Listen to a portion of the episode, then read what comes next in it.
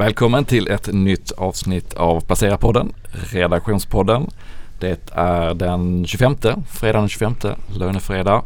Yes. Och eh, med mig, Martin Blomgren, idag har jag till vänster Elinor Bäcket. mitt över Karlans. och special guest. Lars Frick. Härligt, välkommen. Tack. Kul. Eh, idag ska vi prata om, vi ska prata lite golfaktier, lite Trelleborg som har gjort en stor affär här på morgonen. Mm. Eh, lite Ryssland, lite deklaration, lite inflation kanske, Mm. lite börs förstås. Mm. Vad, vad ska vi börja med att eh, spela in vår gäst? Hur, hur mycket sover du på Ja. nätterna när du tänker på inflationen? Ja, precis. Uh, inflation, alla sådana här inflationsteman. Ehm, jag tror att det är um, en det är ju redan en, ett stort fenomen och kanske att vi underskattar det lite. Naturligtvis, det är krig i Europa, det finns mycket annat som tar uppmärksamhet. Ehm, men när jag ser stigande livsmedelspriser, stigande energipriser, bränslepriser, nu pratar man om räntehöjningar så det kommer bli dyrare lån. Då undrar jag lite grann hur det här kommer slå mot hushållen. Vi har ju också en negativ förmögenhetseffekt i börsen. Och ovanpå det då kanske att bostadsmarknaden börjar svikta. Och det där är väl en sån gammal klassiker att man pratar om upplevd förmögenhet för det är ju Mm. inte pengar förrän man gör något. Men det är ju rätt trevligt då om man har ett fint boende och går in på Hemnet och villan är värd X miljoner och sen så plötsligt är det mindre än X Mm. och då känns det oavsett om man realiserar det eller inte. Och det där har vi ju sett tidigare att när bostadspriserna sviktar så får det också en rätt stark kontraktion för Mm. hushållens spenderande. Och för alla är det ju inte en upplevd heller för man kan ju använda sitt boende till att ta nya lån för att Precis. eh, ja, Bygga en pool till exempel. Bygga en Bygga en pool, pool, en eller- tennisbana eller, en ja, eller köpa en diskmaskin. eller en bil eller whatever. Så att det, det finns ju en faktisk... eh, Renovera yachten. Ja. Men om man känner sig lite fattigare än vad man gjorde bara för en månad Mm. sedan Ja. så då, då drar man lite i bromsen Mm. helt enkelt. Ja, eller hur? Och det där har vi ju sett lite. Till exempel e-handeln var ju intressant eh, med en otroligt stark coronaeffekt Mm. i, som medvind då. Och sen när den där har klingat av så har ju många e-handlare kämpat och fått öka marknadsföringskostnader och det har skurit in i lönsamheten och sådär. Så att e-handeln som ju var lite den klarast lysande stjärnan inom handeln då haltar ju lite. Och, sen så ser vi ju fortfarande en del problem med fysisk handel och så. Ehm, så att det kan nog, ehm, kan nog bli ett rätt starkt tema. Mm. Och ja, men jag försöker ju alltid tänka att det här låter ju väldigt självklart men det är så lätt att fastna i, i nuet. Hur ser det ut nu? Ja, vi har krig och det är Putin och det är gas. Vad ska hända och sådär. Men man måste ju investera liksom i, i, i någon uppfattning om hur ser världen ut om ett år, två år, tre år. Eh, Och då är det förhoppningsvis inte krig längre. Men det kommer ju fortfarande finnas väldigt stora utbudsstörningar i vissa sektorer. Mm. Och det här starka inflationstrycket och så vidare. Då.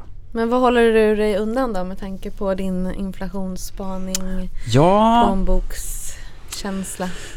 Precis, de, ehm, jag skulle nog vara väldigt försiktig med just konsumentaktier då. Typ Husqvarna liksom. Ja, nu gillar ju Som Fast vinstvarnare också- då. Ja, precis. Men eh, det där kommer vi se mer av. Och eh, vad, vi, vad vi har sett tidigare och pratat väldigt mycket om är ju pricing power. Så här, att ett bolag har stigande Mm.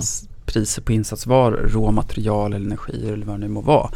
Så kan man alltid föra över det på kund då. I viss utsträckning. Är man stark så kan man föra över allting. Är man mindre stark så för man över lite mindre än 100% då. Ehm, men då tänker jag mig att eh, möjligheten att höja priser mot slutkund minskar nog ganska Ja. snabbt nu. För det där hade jag hoppats på tidigare att den här kostnadsinflationen vi såg till exempel i verkstad och så vidare. Att man kan föra över det på kunderna gradvis och så Och får vi kanske en... ibland med lite grädde Och på moset. Att man ja, lite exakt, extra. man kan salta lite. Eller krydda, Ja. eller grädde eller någonting. Sockra kanske. Ja, sockra. Ehm, så det är det fönstret stängs väl lite Ja. grann nu då. Så att någonstans måste ju bolag börja absorbera de här kostnadsökningarna istället för att föra vidare det. Det är vad jag tror då. Ehm, och då försöker jag tänka så här till exempel klassiska, också räntan är ju förstås nära knuten till inflationen då. Då finns det ju fastigheter, försäkringsbolag, banker som är väldigt klassiska räntekänsliga sektorer. Bankerna har ju varit duktiga på att parera det här tidigare. Ja. Och det här är en liksom killgissning nu. Men jag tror att räntenivån är ändå så pass låg så även om den stiger så är det inte så farligt för bankerna för det är fortfarande lågt i absoluta tal Mm. då. Försäkringsbolag är en annan historia. De tappar avkastning på sina investeringar och inflationen gör att alla claims då, det är de utbetalningarna stiger i värde samtidigt som värdet på tidigare inbetalade premier då sjunker liksom. Så det är tufft. Och fastigheter är väl lite grann kanske en slantsingling då. Brukar inte de ha liksom att det är inflationsjusterade kontrakter? Exakt, så Mm. det är ju fördelen. Så deras finansieringskostnader stiger. Men å andra sidan har ju de nästan per automatik då, beroende på vilken typ av fastigheter det är förstås, ändå en möjlighet att höja priserna då. Så jag tror att vissa fastighetsbolag kommer nog klara sig ganska bra då. Mm. Men, så det är ju en spännande sektor tror jag, att det kan hända ganska mycket i år. Faktiskt. Och ganska fragmentiserad också med tanke Ja, på vad du säger om, om till exempel retail och så. Det är ju ganska stor Exakt. skillnad på um, hyresrätter och Kontorsfastigheter, köpcentrum och så vidare. Och köpcentrum i citylägen kontra logistikfastigheter och- externt och sådär. Det är väl i sin the detail liksom med fastigheter, verkligen. Mm. Så vet han, Carl Icahn var ju ute och Okej, eh, denna ikon. Ja, den här amerikanska Ikonen Ikan. Ikon. Ja, precis. Nej, men han, han var ju lite rädd för att vi stod inför en, en rätt tuff recession eller någonting Mm. ännu värre som han, han Mm. kallade och, och hade då tagit negativa positioner bland annat på malls, alltså köpcenter, Ja. fastigheter. Mm. Så att det är precis som du är inne på där, det handlar väl om att välja vilken del av fastigheten Mm. man, man ska undvika Precis. ifall, ifall jag menar det här samhället samhällsfastigheter som har varit så spännande tema då sista året och sådär är väl ändå rätt skyddat Mm. medan mer konsumtionsinriktade fastigheter är mer utsatta. Så man kanske Ehm. ska skippa fastighetsfonden och eh, Ja, mer gå in på aktierna. Ja. Ja, om man ska äga någonting då? Jag vet inte, jag tänker läkemedel men jag har inga specifika namn här än så länge då. Men det lever ju sitt eget liv på något vis. Där finns Mm. liksom en, hela tiden en sorts teknologidriven inflation. Att ju bättre läkemedel man har som kommer ut på marknaden så måste man ju börja använda dem. Så de sätter ju sina egna priser på något vis då. Mm. På gott och ont liksom. Det kostar samhället en hel del men i alla fall det är bra för bolagen då. Extremt hög lönsamhet, det är väldigt ocykliskt. Ja, och så vidare. Det är ju lite av ditt eh, specialområde ju. Ja, precis. Jag borde ju ha några blytunga namn och bara droppa direkt. Nå, nej, det var inte så jag menar. Men eh, tänker man, eh, ja, men, eller är det liksom big, big pharma eller? Ja, precis. Det finns ju säkert bra small pharma också då. Men jag, jag tänker nog big pharma här nu. Att jag har ju tidigare kanske mer favoriserat medicinteknik. För att det är, det är mer som en verkstadsprodukt. Att den ska produceras och säljas och det finns en väldigt tydlig liksom, ja, ska man säga, dynamik i den branschen. Då. Och de som är bra har ju fin lönsamhet. Men nu tror jag mer på det här läkemedel. För medicinteknik är ju ändå mer eller mindre en investeringsvara för kliniker, sjukhus och så vidare. Och det kan man ju liksom skjuta på som vi såg under covid-pandemin. Mm. Då är det fokus på akutvård och då slutar man investera. Och nu borde ju den investeringscykeln komma tillbaka då.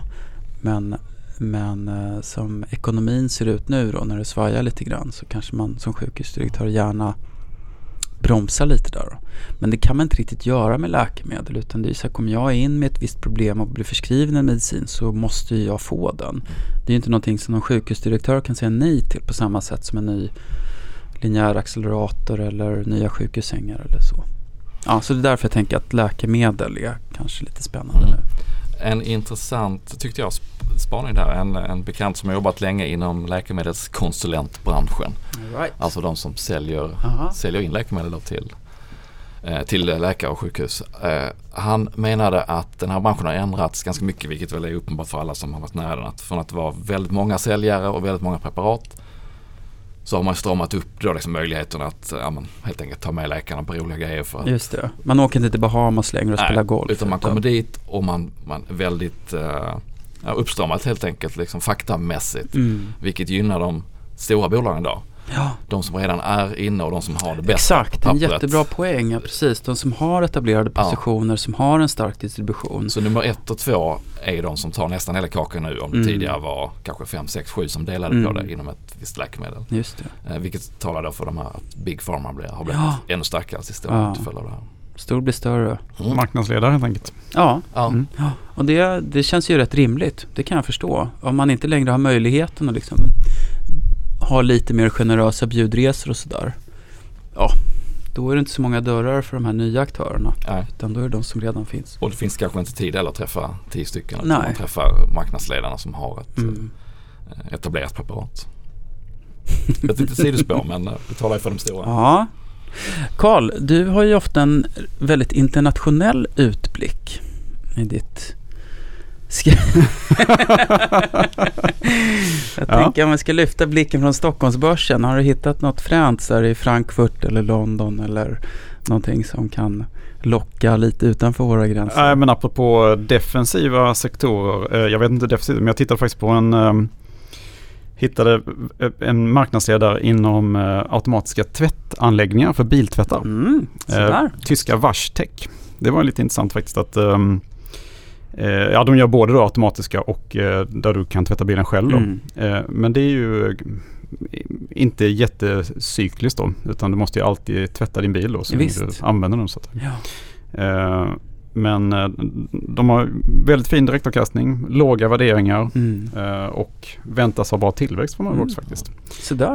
Eh, så det är faktiskt en, en lite lustig aktie jag hittat Ja. senaste. Det är också ett bra inspel tycker jag. För jag menar, här kan man ju tänka steg till sådär att okej om man inte köper en ny bil, ny tvättmaskin och, ja, och så vidare. Då måste man ta hand om det man redan har. Så att kanske mer sådana här serviceinriktade branscher har lite skördetid nu. Mm, men plus att det här då är en automatisering också så du behöver Ja. ju ingen människa då. så Nej, att säga. Man ju- kan bara köra in och så poff, kommer man ut. det. Exakt.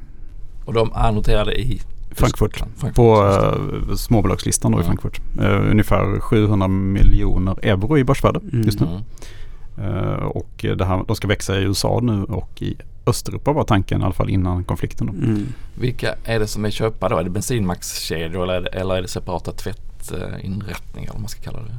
Det är nog främst de här typ motsvarande OK och sånt där Ja. som, som är de stora inköparna. Mm. Och det här som ett, som ett tillägg då till Mm. sin uh, befintliga verksamhet. Mervärde. Mm. Inte bara bensin. Korv, biltvätt. Ja, vad vet jag. Treo. Produktutbudet stiger stadigt i, i eh, bensinkedjorna.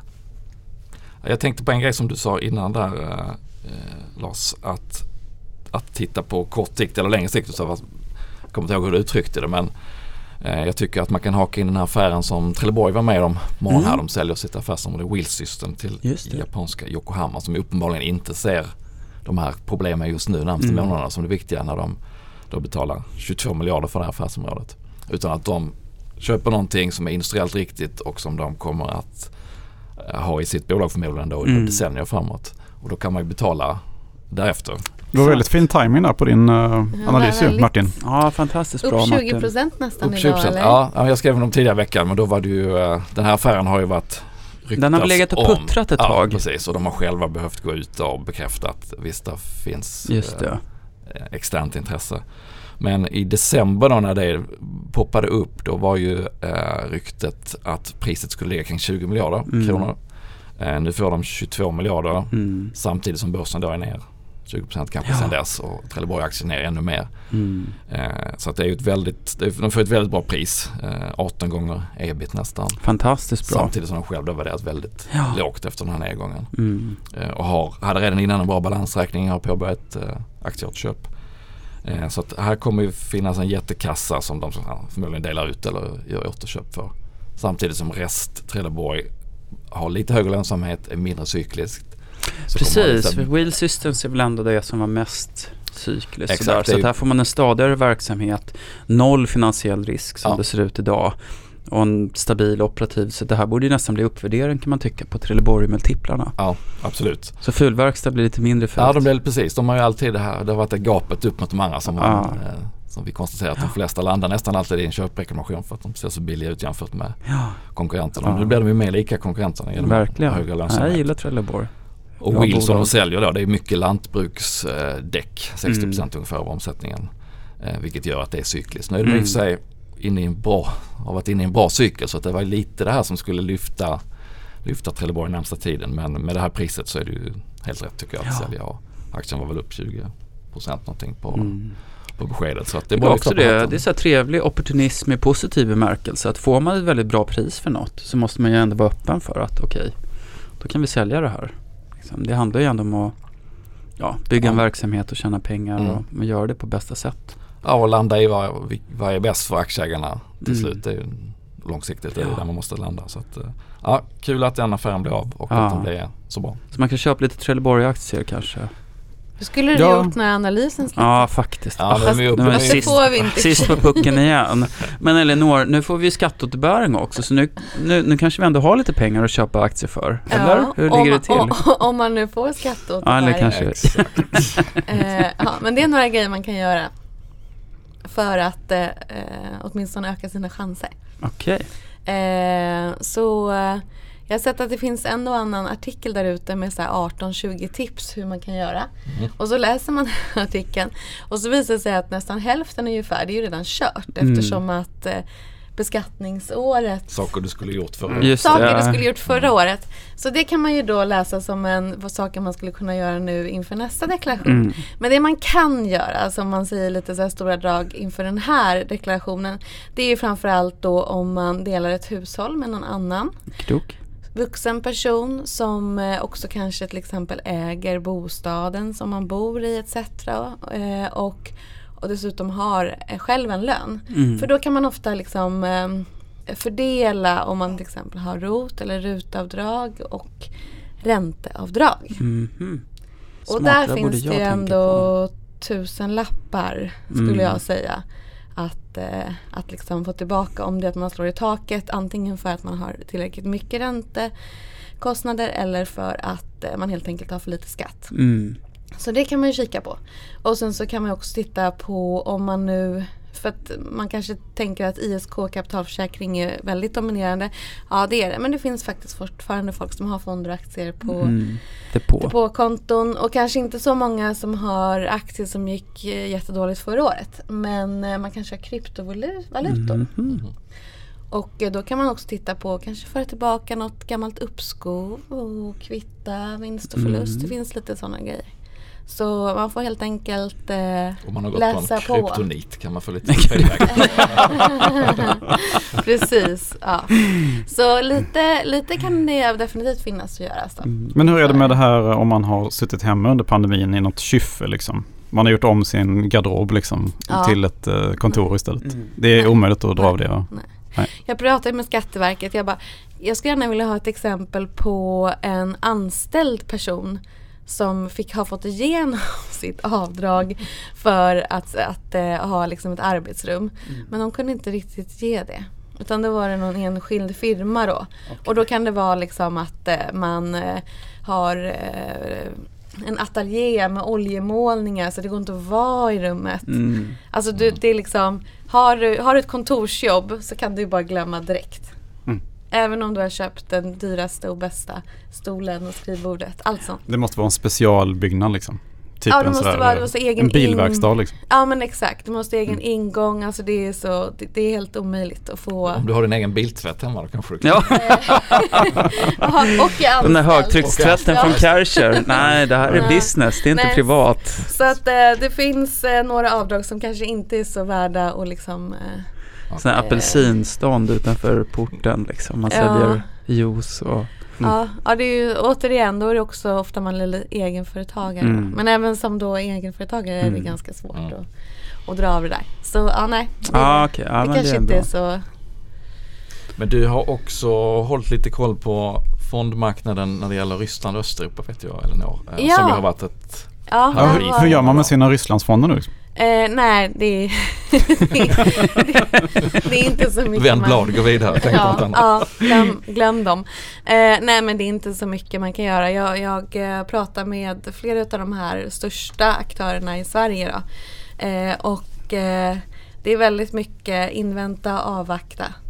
Ja, helt enkelt.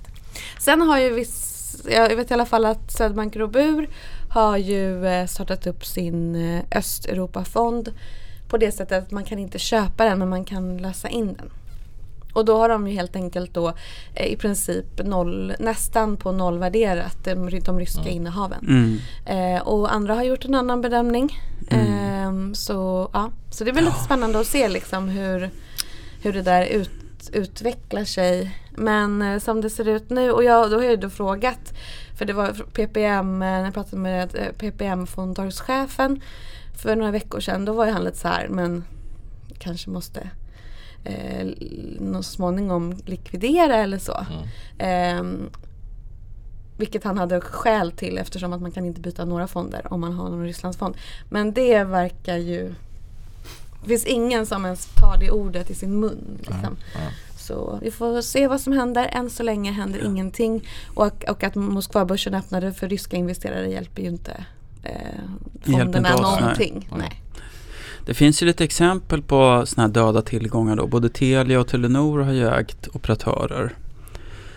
Eh, Telia svarar vid Turkcell till exempel, de har en minoritetspost. Turkcell gick under en period oerhört bra då, men svårt att få liksom, pengar tillbaka till Stockholm därifrån. Och, eh, för Telenor var det väl Vimpelcom om jag inte missminner mig. Så samma problematik då att Mm. det blir liksom lite döda pengar tyvärr. Så att man ska nog inte vara för optimistisk. Det kan ganska lång tid innan man kan få tillbaka någonting. Det är lite som de här Volvo-bilarna som eh, Sverige sålde till Nordkorea på 70-talet. som fortfarande rullar runt i Exakt, fortfarande rullar liksom. runt, ja, betalningen väntar. Ja. Jag vet inte hur mycket den skulden är uppe i nu liksom, men det lär ju vara flera miljarder liksom. det var faktiskt rätt kul. Vi hade ju tyvärr då ett eh, svenskt bolag med rys- tu- tung Rysslandsexponering Ferronordic som håller på med fordon inom industri och Mm. infrastruktur och sådär. ja, de är väl Och också det är tvärnit liksom. tillgångar som kanske inte går. Exakt, det är, någonstans får man väl tänka att okej de får väl köra vidare där så gott de Mm. kan. Men, eh, och det kanske går att bygga upp lite pengar i det bolaget lokalt i Ryssland. Men det kommer nog vara svårt att få tillbaks dem till, till Sverige liksom i, i, i närtid och sådär. Den är ner 83% i år. Ja. Mm. I know. Du är en av de olyckliga ägarna. Ja, precis. Beklagar. Nej, Ryssland är problematiskt. Ja, Mm. verkligen. På Det har sätt. alltid varit problematiskt och svårt att investera i Ryssland men eh, det här har gjort det omöjligt då. Mm. Ja. Mm. precis. Det är ju också en bra poäng att eh, oavsett vad som händer nu i, i med kriget och sådär, men vem kommer vilja gå tillbaka? Jag minns hur det var liksom på 90-talet, var det Södra tror jag som investerade i något stort, stort bruk där då. Chehese Gasbumprom eller något sånt där. Och det slutade med att de fick bara gå därifrån, lämna nycklarna och dra. Mm. Och gjorde en Mm. jättetorsk på över en Mm. halv miljard liksom för att det var så korrupt och, ja, och så vidare. Och det här har ju inte gjort Nej. jorden bördigare direkt för investeringar österut. Så att det är nog ganska det död ta region. Många, många, många år även om Ja, Jag läste någon, det någon rapport från IMF precis att de bedömer att ungefär 15 års tillväxt har kapats redan nu då mm, eh, av den här konflikten Mm. för Rysslands del. ja. Så det är ju enormt mycket. Ja, så Märd. onödigt. Men eh, det som man kan ändå någonstans trösta sig med utifrån ett ehm, eh, då, sparperspektiv här i Sverige det är ju att det är en, jag tror det är en halv procent Mm. av, det, av Totala allt sparandet, ja. aktiefondkapital som, som ligger. Så det är ju, och, och man kan också tänka sig att nästan alla av de här har det som en liksom, liten Mm. del av portföljen. Mm. Så En liten krydda. ja den men lilla exakt. kryddan, den lilla chilikryddan där. Ja, Nej, det är, det är ju så typiskt så här. Emerging markets är ju spännande. Det är liksom hög tillväxt och det är möjligheter och hit och dit, upp och ner och sådär. Och så kommer sådana här svarta svanar. Så det illustrerar ju ändå ganska väl varför man ska vara lite försiktig kanske med sina pengar och inte bara tänka möjligheter utan ha lite skydd på Mm. nedsidan också. Att verkligen inte lägga för mycket i osäkra marknader. Ja, det finns ju skäl varför man ska äga liksom, uh, mogna marknader Mm. till största Mm. del. Ja. Gärna indexnivå också. Mm, visst. Men, och den stora effekten blir ju inte de här halva procenten. Utan det är ju det som händer nu när råvarupriserna sticker och när frakterna blir dyrare. Det är ju det, är ju det, det, är de, det värdet är ju så mycket större än, än det som direkta som försvinner i Ja, ryska fonder. ja. också. Och, eh, ja, det är väl det vi allihopa känner av. Men det är väl ändå rätt fascinerande, jag vet inte vad ni tycker, men jag är förvånad över hur stark börsen ändå är nu. Alltså stark kanske är att ta i, men, men, eh, Mm. men givet osäkerheten och så, att det ändå, visst det blev ett stort ras i början här på året och så här, men att vi ändå sakta betar oss tillbaka och kapitalmarknaderna fungerar. Mm. Men det är ju, är det här modeord, resilience. Ja. Men börsen kanske ses som ett skydd också mot inflationen. Liksom. Ja, Mm. ja, eller det sättet. Man vill inte sitta i cash nu liksom. Nej, verkligen inte. Mm. Ja, det är ju samma, samma problem som vi hade tidigare med FOMO och TINA och allt, alla sådana konstiga förkortningar liksom. Att det finns inga alternativ. Så att det är väl bara att fortsätta köpa aktier då. Men kanske, kanske lite mer med defensiv Läkemedel. profil. Läkemedel. Big Pharma. Big Farm, Big, Big Pharma. Huge Pharma. Huge Pharma. ja, vad skulle man mer tänka sig? Sen finns det ju alltid sådana här kassakor. Ja, men återigen, vi pratade om operatörer tidigare och sådär. Men så här, det, det är ju inte så spännande aktier, men det är kanske ett okej alternativ Mm. till, till cash. Eh, så. Det är alltid lite svårt med defensiva aktier tycker jag. De går ju inte lika bra som resten av börsen när det går bra. Och när det går dåligt då i recessioner så går de ju också ner. Mm. Så att Mm. man är ju inte liksom, på något vis blir det så här, ah, det låter bra på pappret men det är sällan så himla bra investeringar. Men jag Mm. tror ändå att nu är det nog rätt, ändå kanske en tid att om man inte, om man inte vill sälja aktier och ha kontanter eller andra typer av tillgångar så ska man kanske vara lite Mm. defensiv i sin aktieval. Men Ja, det är väl det är den här eh, diversifieringen med Mm. risk för att vara väldigt tjatig. Mm. Mm. Och man kan, Och du tjatar gärna om diversifiering eller Ja, men det måste man göra. man kan väl också konstatera att även om det blir en, en stygg recession så är ju de flesta bolagen i betydligt bättre skick än vad de var innan finanskrisen och Det är också en bra tidigare. poäng att många har sett sina, fått sina balansräkningar ganska ordentligt sanerade. Mm. Även om det har varit mycket utdelningar och sådär så är ju skuldsättningsgraden tror jag lägre nu om man backar ett antal år. Så att de har ju motståndskraft. Det är ju fantastiskt. Mm. Och en vana och en kunskap om hur man Mm. skär ner snabbt. Ja. Sen finns det ju tyvärr då, eller hur man nu ska uttrycka det, men alltid vinnare även i sådana här konflikttider. Till exempel nu om en stor del av livsmedelsproduktionen, eller inte livsmedelsproduktionen, men om, om det blir brist på en del Konstgödsel, råvaror. Ja, men jag tänker också Mm. göra. ju Mm. sådär. Allt Mm. man kan göra för att öka produktiviteten i, i jordbruk utanför Ukraina är väl fantastiskt då. Liksom. Och det är ett bolag Mm. som Yara förstås en tydlig vinnare. Kanske mer ökad mekaniseringsgrad, vad vet jag. Det finns eh, för det är ju så ekonomi fungerar ändå. Att när det uppstår problem så försöker man jobba runt dem eller igenom dem. Och då kan det ju Mm. Så det, det kommer alltid finnas bolag som, som klarar det här. Och det, det är lite hoppingivande. Mm. och, och hittills har ju folk kvar sina jobb också. Ja, också Det är bra. lätt tycker Peppar, jag. peppar. Det blir väldigt lite snack om jobb nu för tiden. Men Mm. det, det är, ja, det är väl först då det blir riktigt eh, otäckt när, när människor är rädda för att bli av med jobbet. Då slutar man ju verkligen Mm. konsumera åtminstone Mm. produkter som man inte som är nice to have snarare än need to have. Mm. Mm. Skäggvax och mjukgörande salver för hyn, Skjuta på en månad. sportbilar. Klädkollektion för, hund, för hunden liksom. Just. Mm. Men vi, vi har ju redan sett ganska många vinstvarningar den här veckan. Mm. Nu närmar sig slutet på kvartalet. Mm. En bit kvar innan rapporterna kommer men det är en ganska lång rad som har eh, börjat flagga redan för att kvartalet blir sämre än väntat. inte det känslan också lite att först Q1 och kanske delvis också Q2 Mm. kommer vara rätt svårt. Jag Det är tuffa jämförelsetal. Vi har problem med komponentbrist och, och inflationen Mm. och sådär. Så det är nog många som kommer att flagga för lite lägre vinster framgent. Och det finns en, en laggande effekt när man höjer priserna innan det kompenserar för Exakt. högre inköpspriser. Så att, eh, jag håller helt med. Både det här kvartalet och många kommer flagga för att även nästa kvartal blir tufft. Så Ja. att, eh, Så att det blir väl lite, lite moll på Mm. börsen här nu Ja, det i det. vår. men det idag var det Husqvarna tidigare veckan på svenska börsen. Nolato, Volati, Volvo Cars Just flaggar ju det. för lite mindre det. produktion. Och- så var de här finska Verkkokauppa tror jag de heter. Som då är handlare av Mm. typ eh, ja, men Dustin eller Clas Ohlson Exakt. variant kanske. Som eh, också varnat. Så att, Mm. ja, och det lär vi i och för sig fler av. Det kan jag nästan ta gift på att när vi sitter här med vecka så Ja, du har ett gäng en till. rätt lång lista till. Mm. Ja, det skulle jag, det skulle jag säga. Ska vi uh, bena ut om vi själva har gjort någonting i veckan eller? Nej. Nej. Nej. Vi skiter, vi skiter i det den här gången. Eh, Ja, det är nej. sånt där man ska tänka på innan. Karl kan få svara före mig. Yes, jag har eh, Adobe kom ju med rapport. Egentligen är det ju ett innehav jag hade tänkt äga länge. Men jag tyckte den var lite svag faktiskt. Eh, så att jag sålde Adobe. Eh, och jag eh, ökade i Salesforce istället. För jag Mm. tror ju att eh, Salesforce är ju ganska lågt värderat nu. Eh, på många sätt att se det. Eh, och jag tror att även om eh, bolagen går lite svagare och håller på vinstvarna och sådär. Så tror jag att de måste satsa på sina CRM-linor. Mm. Ännu starkare då. Mm. Så att, och Salesforce rapport var också väldigt bra. Mm. Så att jag tycker aktien har bra uppsida. Så jag, så jag switchade där kan man säga. Sen Swap. swappade. Eh, sen ökade jag i Affirm också som jag ägde väldigt mycket ett tag men som har eh, fallit tillbaka något enormt. Det är ju då eh, en Klarna-variant liksom. Som är Köp he- hela amerikansk. senare. Exakt. BNPL va.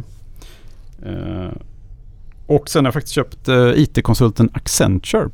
Mhm. Det är ett helt Okej, nytt innehåll. ja, Mm. spännande. Hur Mm. tänkte du där? Ja, men jag tror ju att man måste ju, eh, alltså det är ju en trend som redan är väldigt stark, att man, Mm. eh, man måste satsa på sin IT helt enkelt. Mm. Och det kommer kom bara fortsätta. Mm. Det är också Men effektiviseringar. Liksom. Management, mycket management, eh, strategikonsulting och sådär. Jo, det är det också. Men, men det är mycket, mycket IT Mycket, mm. också. Jag tycker det här med försäljning är jätteintressant. Eh, Jag vet att jag har skrivit en hel del om e-handlare nu under 2021 och sådär. Och det Mm. var fantastiskt och sen var det mindre fantastiskt. Och då handlar det ju väldigt mycket om att när den här covid, positiva covid-effekten då, att folk satt hemma och shoppade, ebbade ut. Då måste man ju på något vis bibehålla marknadsandelar Mm. eller kanske ta av konkurrenterna och sådär. Så satsar man mer på marknadsföring. Plus att marknadsföring i sig blev dy- mycket dyrare. Mm. Liksom, kostnaden per effekt har också stigit då. Eh, och där, där ser det, det är jättetydligt att bland alla handlare att det satsas väldigt, väldigt mycket på marknadsföring. Så just som du säger, så här, Salesforce, alltså alla åtgärder som kan hjälpa omsättningen framåt, där, där finns det kapital. Det, det satsas hårt i företagen på den typen av åtgärder. Så det är nog en bransch som faktiskt kan, kan ha ett ganska bra år 2022. En annan bransch som är, är sådär, det är ju IT-säkerhet också. Ja, IT-säkerhet, det är ju inget man vill kanske satsa på, men man måste göra det. Särskilt nu. Det kommer säkert bli mer cyberattacker och konstigheter. Och Ja, senast igår låg ju BankID, BankID ner eller till exempel. hur? hela Aldrig hänt förut mig veterligen. Så att Nej, inte så länge i alla fall. Nej. Jag märkte. Nej. det var ett långt driftstopp då. Mm. Jag har tänkt klart. Okej, Jag har inte Ja, gjort sjung ut. Jag har inte Ingenting, gjort, nej. Det var därför jag inte kom ihåg. Martin. Ja, vad har jag gjort? Jag tittade här. Jag har tagit hem lite vinster faktiskt. Det är inte Okej. så, har man inte Ja. gjort så mycket på sista tiden. Ja. Men, Men du ökade din kassa förra veckan också. ja, det gjorde jag. Ja. Och, den här Hur, veckan hur stor är kassan nu då? Eh, låt mig komma till det. Ja. Ja, jag har sålt, eh, sålt Björn. Borg och Nilongruppen som jag Okej. minskade i förra veckan. De har ju Mhm. fortsatt upp. Eh, studsat upp i den här, vad är det, två veckor tillbaka när hela börsen har gått upp. Mm. Upp med 15-20% nästan. Så de ligger ju på toppnivå och eh, det tyckte jag att, ja, fullt så bra kanske inte det. Så att Mm. då, där tog jag hem vinsten. Eh, fyllde på lite i kassan som nu ligger kring 30% skulle jag säga. ja, men det är ju mycket. Och så har jag Mm. ökat lite i Electrolux. Vilket ju eh, känns jobbigt eftersom det finns ju allt det vi pratade om innan. Kostnadsinflation, svårt att höja Ja. priserna, konsumenterna. Allt det Mm. talar emot dem. Mm. Men eh, jag tror ju att det är det som vi har ser redan för eftersom aktien har gått så otroligt surt. Ja, så att jag hoppas att ja det där är ju det är så ett tydligt exempel på de här problemen. Så jag tror att marknaden är ganska snabba på att plocka upp det och Mm. köra ner aktien då. Medan det kanske är liksom vagare i andra sektorer Mm. och sådär. Så att där har man säkert redan tagit ut rätt mycket elände i hoppas det. förskott. Det. är väl liksom en sån här nästan en ryggmärgsreflex Ja. att när konsumenten är svag så Ja, ska man liksom gå kort i så där Electrolux. tar man nog ut nu att hela det här året blir jättetufft på kostnader och sen så Ja. ja, förhoppningsvis inom någon månad, månader, Mm. kvartal så börjar man titta in lite längre fram. Och då Mm. kommer man ju säga att det här är ett bolag som gör återköp som har nästan 7% direktavkastning. Mm. Eh, och att vi nog kommer köpa kyl och frys även i fortsättningen. Så att eh, Så jag tänker mig att jag ska övervintra med de här direktavkastningarna i Hur länge är det? Dis- diskmaskiner håller, det är väl 12 år är det va? 10 till 12 år brukar de Ja. säga i de här cyklerna. Mm. Så där kan man ju se ganska tydligt då när, Mm. när det har varit en topp så ja, 10-12 år längre bort så kommer nästa topp. Mm. Och sen så finns det ju en underliggande då att vi blir fler i världen och att Mm. de som, som är på marknader där man, eh, fler kommer in i medelklassen så Mm. man sig då ganska snabbt. Ja. Kylar, frysar, Ja. ja. spisar och annat. Sen är det väl lite som för Autoliv också så där att man tänker sig att produktvärde också stiger. Att Mm. För 40 år sedan så var en spis bara en spis men nu är det liksom väldigt En mycket flådiga av- ja, funktioner och sådär. De är rätt- och sånt där. Ja. Det är en designmöbel liksom. Ja. Mm. Mm. Det är inte en spis, det är en livsstil. Ja. Men jag skulle inte bli förvånad om det kommer en vinstvarning från Electrolux Mm. ändå. För att det, det är ju både stål och plast som de köper in. Så att de har liksom allt Ja. i ansiktet just nu. Men eh, Ja. jag tror och hoppas att det mesta av det syns i kursen redan. Mm. Så att Ska man köpa råvaror? Jag vet inte. Jag kan det för dåligt då tyvärr. skulle gjort. Känner Man skulle Ja. gjort, ja faktiskt. Det Jag var väl lite sån här uh, dumtraden liksom. Direkt bara köpa olja och metaller på något vis. När Jag, jag köpte väl någon sån här ETF som eh, har Mm. alla energibolag då, de stora Mm. energibolagen. Och den har gått bra faktiskt. Ja, Men det är ju, ja. good call Carl. Mm. Ja, det tåget kanske har gått. Ja, det är väl nära i alla fall att vara på toppen. ska Lite jag så tro. känns det. Ja. Mm. Jag har hyvlat av Boliden till förbannelse känns det som. det bara fortsätter Du slaktar, men den bara Ja, växer. precis. Ja. Ja. Fin, fingruvor liksom. Mm. Fingruva till skillnad från fulgruvorna. ja. Mm. Vet Ja, vad men du menar. De, eh, Epiroc och Sandviks eh, gruvdel kommer naturligtvis att Mm. må bra under en ganska lång period. Men Mm, verkligen. det syns väl också lite i kursen. Ja. Ha, ska vi ta helg nu eller Ja, vad har vi säger glömt att ni? bena ut någonting? Nej. Jag säger hej så länge. Och, Ja, för du försvinner från oss en period. ja, det gör jag. Eh, föräldraledighet. Tråkigt för oss. Eh, Ja, ja, Mm, men jag jättetråkigt. följer från lurarna istället, från mikrofonen. Det kommer, eh, det ser jag fram emot. Då har vi en given lyssnare i alla fall. Ja. var Precis. en av många tusen ska vi tillägga. Eh, tack för att ni har lyssnat den här veckan och eh, trevlig helg på er. Trevlig helg Trevlig helg. allesammans. Ciao.